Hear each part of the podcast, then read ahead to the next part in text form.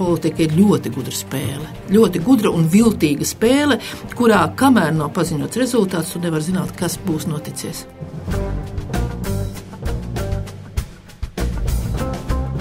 Piecas no sešām līdz šim notikušajām valsts prezidenta vēlēšanām, ko esam piedzīvojuši kopš tālā 1993. gada, skaidri parāda to, ka stāsts par valsts prezidenta ievēlēšanu vienmēr ir arī stāsts par ambīcijām, neturētiem solījumiem, cīņu par varu. Mūžīgo opozicionāru, saskaņas saimas frakcijas līderis Jānis Urbanovičs kurš ievēlēts visās kopš neatkarības atgūšanas ievēlētajās saimās un balsojis visās valsts prezidenta vēlēšanās, bez aplinkiem saka. Bet nelēma jau ir tā, ka vienmēr visos laikos, no Ulmaņa līdz Bērziņam un tagad nezinu kuram, visu laiku ir cīņa nevis par prezidentu, bet par resursiem. Par naudu, ja gribat latviskāk, ja? un tas ir par valdību. Tā tas ir bijis jau kopš pirmās reizes, kopš 1993. gada, kad par pirmo pēc neatkarības atgūšanas ievēlēto valsts prezidentu kļuva Latvijas Zemnieku savienības virzītais Guntis Ulmanis. Piektās saimnes deputāti, kas tikai dienu iepriekš ir sanākuši uz pirmo jaunievēlētā parlamenta sēdu un ievēlējuši saimnes prezidiju, ķeras pie valsts prezidenta ievēlēšanas. Uz šo amatu izvirzīti trīs kandidāti - Guntis Ulmanis no Latvijas Zemnieku savienības, Gunārs Mejerovics no Latvijas ceļa un Aivārs Jerumanis no Kristīgo demokrātu savienības.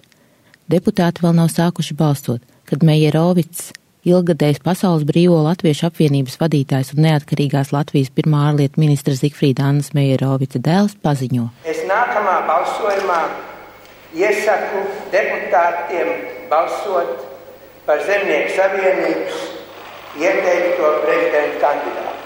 Līdz ar to es atsaucu savu kandidatūru valsts prezidenta amatā. Kas īsti ir noticis? Atceras bijušais Latvijas ceļa saimas frakcijas vadītājs Andrejs Panteļējevs. Tā bija koalīcijas vienošanās, toreiz bija pilnīgi skaidrs, neviens pat savādāk. Tajā brīdī nedomāja, ka prezidentu var ievēlēt kā vienīgi sastāvdaļu no koalīcijas vienošanās. Bija jāizveido valdība. Latvijas ceļam, eh, nu, principā vismaz kā mēs toreiz uztvērām, mēs sapratām, ka pamat izpildu var atrodas valdībā. Ministrs prezidents ir šīs valsts galvenais persona, kas veic attiecīgās reformas. Savukārt prezidents ir zināmas ceremoniālas funkcijas. Bet nu, vienkārši nu, bija jāizvēlās, bija jāsastāda valdība. Vienkārši. Un skaidrs, ka zemniekiem pašiem arī bija jāparūpējas par kaut ko, un viņi parūpējās. Zināms rūkums par notikušo Mejerovicam gan bijis.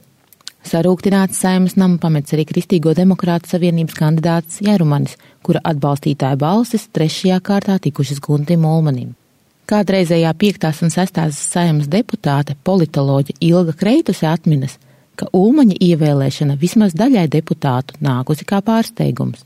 Kad visi bija pārliecināti, ka Ulmaņa kungu neievēlēs, jo viņa ievēlēt nebija iespējams, bija 48 balsis, un pēkšņi, mm, tad jau, kad mm, deputātiem uz galda bija izdalīts jauno kandidātu biogrāfijas, e, pēkšņi ienāca balsu skaitīšanas komisija un paziņoja, ka ir savāks atbilstošais 53 balsu skaits.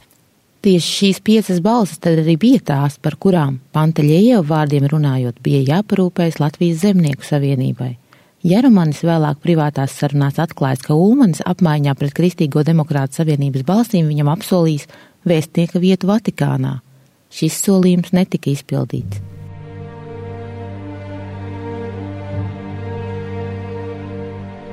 Tūkstoš 996. gads valsts prezidentu izraugās sestā saima. It kā viss ir skaidrs. Valsts prezidenta amatā uz otro pilnvaru termiņu jāievēl Gunti Ulmani. Sarūpēt pārvēlēšanai nepieciešamās balsis ir apņēmies tolaik bezpartīskais premjers Andris Šķēle. Viņu valdības vadītāja amatam Ulmanis nominēja pēc tam, kad bija izgāzušies tēvzemieša Māra Grīnblata un Demokrātiskās partijas saimnieks līdera Ziedoņa Čevera centieni sastādīt valdību. Tomēr bez intrigas neiztiek. Valsts prezidenta amatam kopumā tiek izvirzīti četri kandidāti. Ar Ulmani konkurē saimnes priekšsēdētāji Ilga Kreituse, Imants Liepa un Alfrēds Rubiks. Visizaicinošākā ir Kreituses priekšvēlēšana kampaņa. Viņas dzīves biedrs, toreizējais finanšu ministrs Aivars Kreitus pat izveido fondu Ilga Kreituse Latvijas prezidenta, kura mērķis ir panākt Kreituses ievēlēšanu. Un, nu, mazliet avantūrisks raksturs varbūt man šī ziņā bija, bet arī zinot, ka praktiski gandrīz vai nereāli ir iegūt šo vietu, tomēr mest šo izaicinājumu, lai parādās vēl kāda kandidatūra, par kuru var reāli runāt. Tagad atzīst Kreituse. Ulmanis 1996. gadā saņēma 53 balsis, bet Kreituse 25. Demokrātiskajai partijai saimnieks, kas viņu izvirzīja, bija tikai 18 deputātu vietas. Toreizējais Latvijas ceļa līderis Andrejs Pantaļējevs tagad saka, ka Ulmaņa konkurentu izredzes jau sākotnēji bijušas pavisam niecīgas. Tur bija tāda spēlēšanās. Visiem tāpat bija skaidrs, ka Ulmans būs uz otro termiņu. Ka nav jau īsts alternatīvas un nav arī jēga to alternatīvu meklēt. Tāpēc, ja arī tur bija kaut kādi tādi gājieni, kurš kuram solīja, tad tas tā īsti nopietni nebija. Man liekas, tādas īstas alternatīvas jau nebija. Visi saprata, ka nu, visiem ir izdevīgi, ka otrais termiņš Ulmanim ir, un viņš arī bija. Nu. Pats Ulmanis pēc balsojuma nemaz neslēpja, ka turpmāk darbosies roku rokā ar premjerministru Šķēli. Vēsture vienmēr atcerās posmus lielākā laika griezumā un atcerēsies, pieņemsim, Ulmaņa un Šķēles darbības posmu un mums abiem ir jādomā, ko mēs atstāsim Latvijai un atstāsim savai zemei savā darbības posmā. Šķēles domu biedrs Gundars Bērziņš gan vēl ar vienu apgalvo, ka Ulmaņa galvenais trumps, kandidējot uz otro pilnvaru termiņu, bijusi prognozējamība. Nu, tomēr politiķiem ir vēlme arī, nu, kaut kādu prognozējumību stabilitāti. Ulmans bija pietiekami prognozējums, tāda neprognozējumība sevišķi sarežģītās situācijās, nu, ir tas, kas iedod handikapu varbūt arī citam cilvēkam, kas ir prognozējams un, un kur nevar, nu, gaidīt kaut kādus negaidītus iznākumus.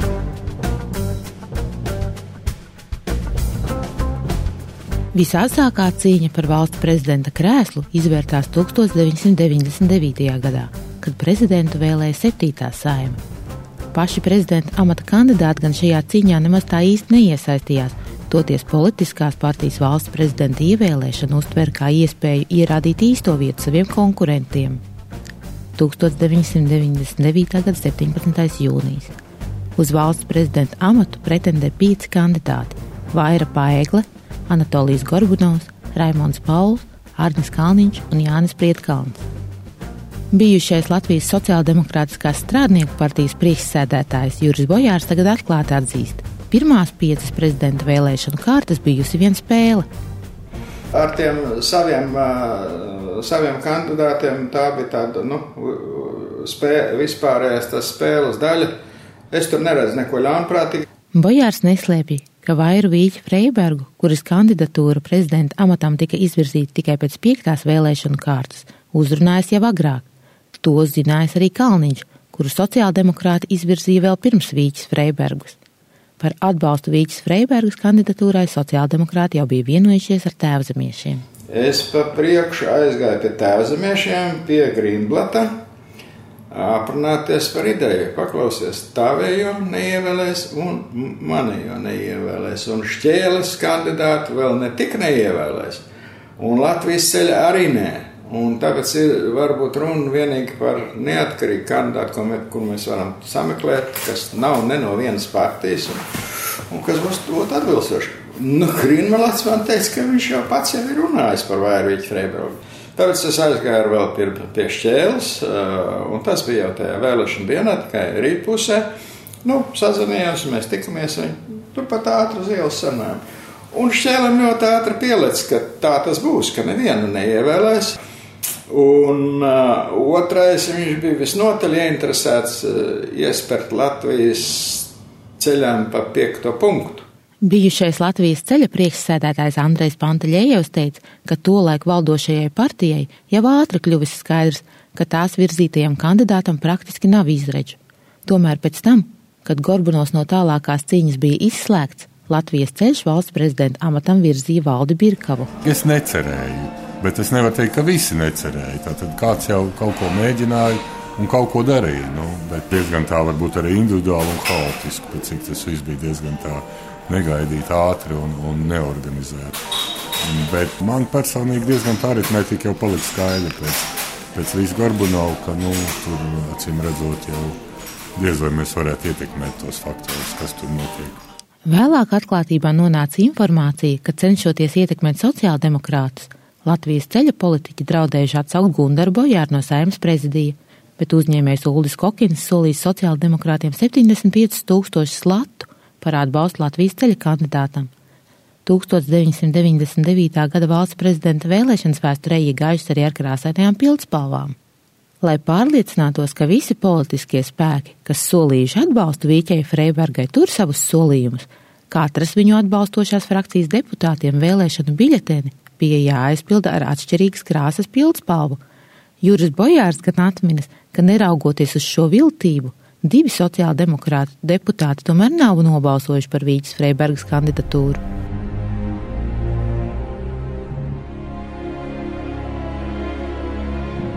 Toties 2003. gadā, kad valsts prezidenta vēlēja astotā saima, intrigas nebija vispār.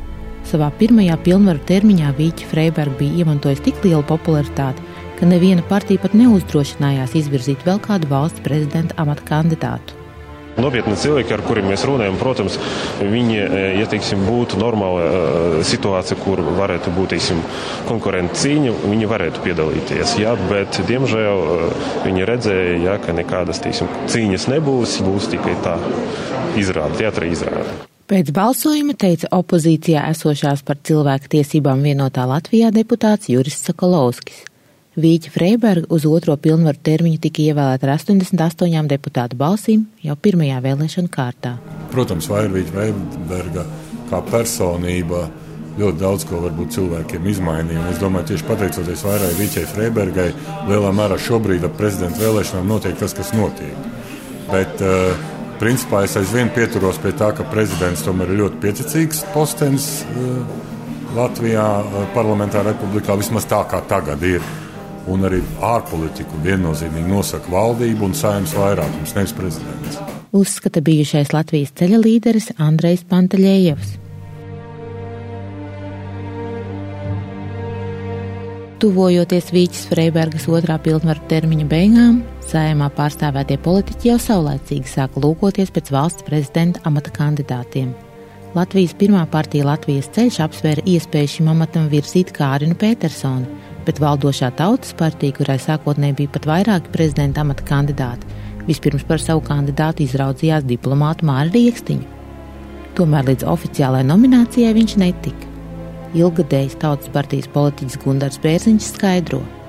Par Rieksniņu tajā brīdī bija pilnīgi nekāda iespēja nebija jo pārējie kategoriski tas bija saistīts ar to, ka uzskatīja, ka nu, ļoti vienas partijas ietekme pieaug, ja neteiksim, ka tur pret, pret, un nu, nav vienkārši varianti, ja variants ir tāds, ka tu nevari ievēlēt prezidentu, un tev tad ir ar izslēgšanu variantu, jo no tiem kandidātiem bieži, teiksim, bija arī pietiekami liels skaits inteliģents, un atkrīt pa vienam, kāds nevēlas, kādam ne pa kam nevar, uh, nu, vienoties, kad būs Eh, atbalsts, kas ir nu, pietiekams, lai ievēlētu.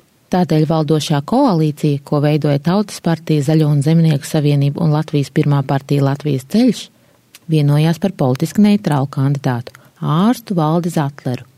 Malā nestāvēja arī opozīcija. Jaunais laiks valsts prezidenta amatam izvirzīja bijušo ārlietu ministru Sandru Kalnieti, bet saskaņa bijušos atversmes tiesas priekšsēdētāju Aivaru Enziņu. Ne mēs izdomājām bet pie mums griezās sabiedrībā nu, ievērojami pazīstami cilvēki, kuri teica, es nezinu, vai viņi gribētu, lai es par viņiem runāju. Piemēram, Jānis Dombors. Ne tikai. Un teica, nu, kāpēc jūs nevirzat? Un tad es tā domāju, nu, pagaidi. Nu, tiešām, kāpēc ne? Atminas saskaņas saimas frakcijas vadītājs Jānis Urbanovičs. Uzreiz gan esot bijis skaidrs, ka enziņa izredzes, neraugoties uz viņa popularitāti sabiedrībā, nav īpaši lielas. Jau tas vien, ka, kandidāts, ka viņš ir mūsu kandidāts, tas mazina viņa izredzes. Ja? Savukārt, ja tas ir Aivars Enziņš, tas atkal pavairo jebkuram, jebkurai partijai būt nu, ar vērā ņemamām izredzēm. Pareizi? Enziņa izredzes gan šķietam vairoja fakts, ka par labu viņam savu kandidatūru atsauca Sandra Kalnieta. Vakar vakarā, kad saskaņas centrs izvirzīja Aivaru Enziņu, es sapratu, ka beidzot ir īsta alternatīva. Jo es esmu partijas izvirzīts kandidāts. tā ēna pār mani klājās. Par Zatlera kungu politisko neutralitāti es stipri šaubos. Turpretī Aivars Enziņš, satversmes tiesas priekšsēdētāja amatā, ir parādījis, ka viņš patiešām ir politiski neitrāls. Dienā, kad 9. saima vēlēja valsts prezidentu, atmosfēra parlamentā bija samērā mierīga. Valdošā koalīcija bija nodrošinājusies, ka prezidenta ievēlēšanai balsu pietiek jau pirmajā kārtā. Toties pie saimas nama, kur bija pulcējušies gan Zatlera, gan Enziņa atbalstītāji, virmoja kaislības. Lūk, ko par tām 2007. gada 31. maijā ziņoja Latvijas radio. Kad Zatlers iznāca no saimas ēkas, otra prezidenta amata kandidāta Enziņa atbalstītāji sāka skandēt.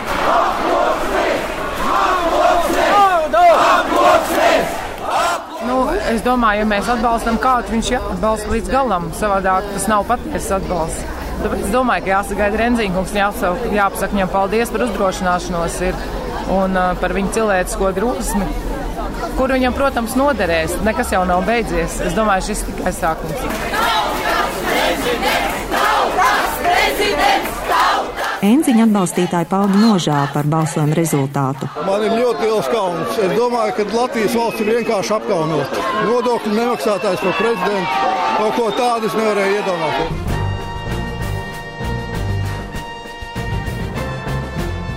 Grūti pateikt, vai 2007. gadā piedzīvotā izsvilpšana spēlēja kādu lomu tajā, ka 2011. gadā Zatlers kļuva par pirmo prezidentu pēc neatkarības atjaunošanas, kurš netiek pārvēlēts uz otru pilnvaru termiņu.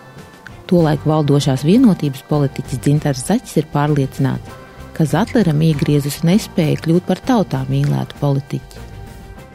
Ja prezidents ir tautā mīlēts, populārs, nu, spiediens no sabiedrības uz politiku, politiķiem ir tik liels, ka ir ļoti grūti e, vispār atvērt diskusiju par citu kandidātu. Un, un Zatlera gadījums tas nav, un arī Bērziņa gadījums tas nav. Turklāt Zatlers esot pārlieku centies spēlēt aktīvu lomu iekšpolitikā, Pirmais, kas man nāk prātā, tomēr Zetlera kungs mēģināja būt politiķis. Viņš mēģināja ar dažādām aktivitātēm spodrināt savu tieši kā tēla, kā politiķa to mundieru, un, un tas nebija īsti pareizi. Mundieri var spodrināt sadursmē paredzētajā veidā, perfekti pozicionējoties dažu, dažādos jautājumos, bet starptautiskā arēnā. Sākotnēji Zetlera izredzes uz pārvēlēšanu šķīta gana labas lai arī valdošā koalīcija nespēja vienoties par vienotu atbalstu viņa pārvēlēšanai, un valdošā partija apvienība vienotība pat bija izveidojusi savu darba grupu potenciālo kandidātu uzrunāšanai. Pēc neilgām pārdomām vienotība tomēr pauda atbalstu Zatleram. Atbalstu solīja arī opozīcijā esošā apvienība par labu Latviju un daļa Zaļo un Zemnieku savienības deputātu. Taču negaidīt savu kandidatūru valsts prezidenta amatam pieteica Zaļo un Zemnieku savienības deputāts Andris Bērziņš vai Zatlera likteni izšķīra lēmums atlaist desmito saimu? Tieši pēc tā savu solījumu atbalstīt Zatlera pārvēlēšanu atsauc par labu Latviju. Zaķis šai versijai nepiekrīt. Tāda nolemtība nebija tāda nu, viennozīmīga skaidrs, ka nebūs un ka viss ne pie kādiem apstākļiem nesanāks Zetlers par prezidentu. Man atmiņā stāv, ka tur arī bija diezgan liela, diezgan liela tāda, tāda nu, tur, nu, varbūtība, ka var gan tā, gan šā. Nu, tā kā neviens tur pilspulvu krāsu nemainīja un speciāli neko nemēģināja saskaitīt balsis tā, nu, tā lai būtu ar kaut kādām maz demokrātiskām metodēm, tad man šķiet, ka tā neskaidrība valdīja diezgan ilgi. Arī pēc tā, kad daudzi bija pietiekoši skaļi un nevisai glaimojoši izteikušies par lēmumu numur divi, tik un tā neskaidrība par Zadlera ievēlēšanu vai neievēlēšanu bija pietiekami ilgi, pat vēl sēžu zālē, kad bija balsošana, vēl nebija skaidrība, manuprāt. Urbanovičs vēl tagad apgalvo, ka saskaņas deputātu balsis 2011. gadā šķīrušās. Ja mums bija cieti par Zatleru, un mums bija cieti pret Zatleru. Tāpēc mēs tur pāris reizes mēģinājām atrast eh, kādu kopsaucēju, un tas kopsaucējs eh, varēja būt eh, vēl sliktāks, proti, pret visiem. Tādu mēs varējām dabūt. Bet atkal toreiz bija riski, kā gan abiem pretendentiem, gan Zetleram un Bērziņam paējot nost, var parādīties, kā tagad runā tas trusis vai zaķis no cilindra. Un tur bija versijas, kuras biedējošas bija. Jā. No Urbanoviča teiktā noprotams, ka daļa politiķu vēl ar vienu tic versijai, ka patiesībā 2011. gadā par prezidentu nebija plānots ievēlēt nec Zatleru, nec Bērziņu. Daļēji tai piekrīt arī Zaķis. Nu, rezultātu atskaņošanas brīdī tur pārsteigtu seju bija daudz. Tur nebija tā, ka bija, tur nebija miers sirdī par to, ka viss ir saskaitīts un viss ir skaidrs un balsu pietiek un viss ir, ir jau izdevies. Tā nebija. Bija daudz pārsteigtu seju arī pašu zaļzemnieku rindās. Lai vai kā, 2011. gada 2. jūnija pēcpusdienā Bērziņš ar 53 balsīm tika ievēlēts par valsts prezidentu. Ņemot vērā to, ka Zatlers tobrīd jau bija rosinājis tautas nobalsošanu par saimnes atlaišanu, vairākus mēnešus tieši Bērziņam bija tiesības sasaukt parlamenta sēdes un noteikt to darba kārtību.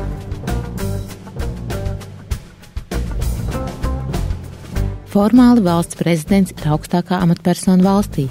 Tomēr līdzšinējā prezidenta ievēlēšanas vēsture liecina, ka pārsvarā gadījumu vienošanos par to, kurš būs valsts prezidents, ir daļa no tā, ko dēvējam par politisko tirgu. Mājiņas monēta. Tas uzreiz tā nesmuki skan, mājiņas monēta. Nu, viņš ir bijis teiksim, tā sarunu objekts, jā, plašākā sarunu kontekstā, es tā to nosaucu. Es nelietotu vārdu monētas, lai nebūtu, lai kādu nenonicinātu, bet jā, vienmēr kaut kāds plašāks sarunas, šaurāk sastāvdaļa. Saka pieredzējušais politiķis Andrejs Pantaļējevs.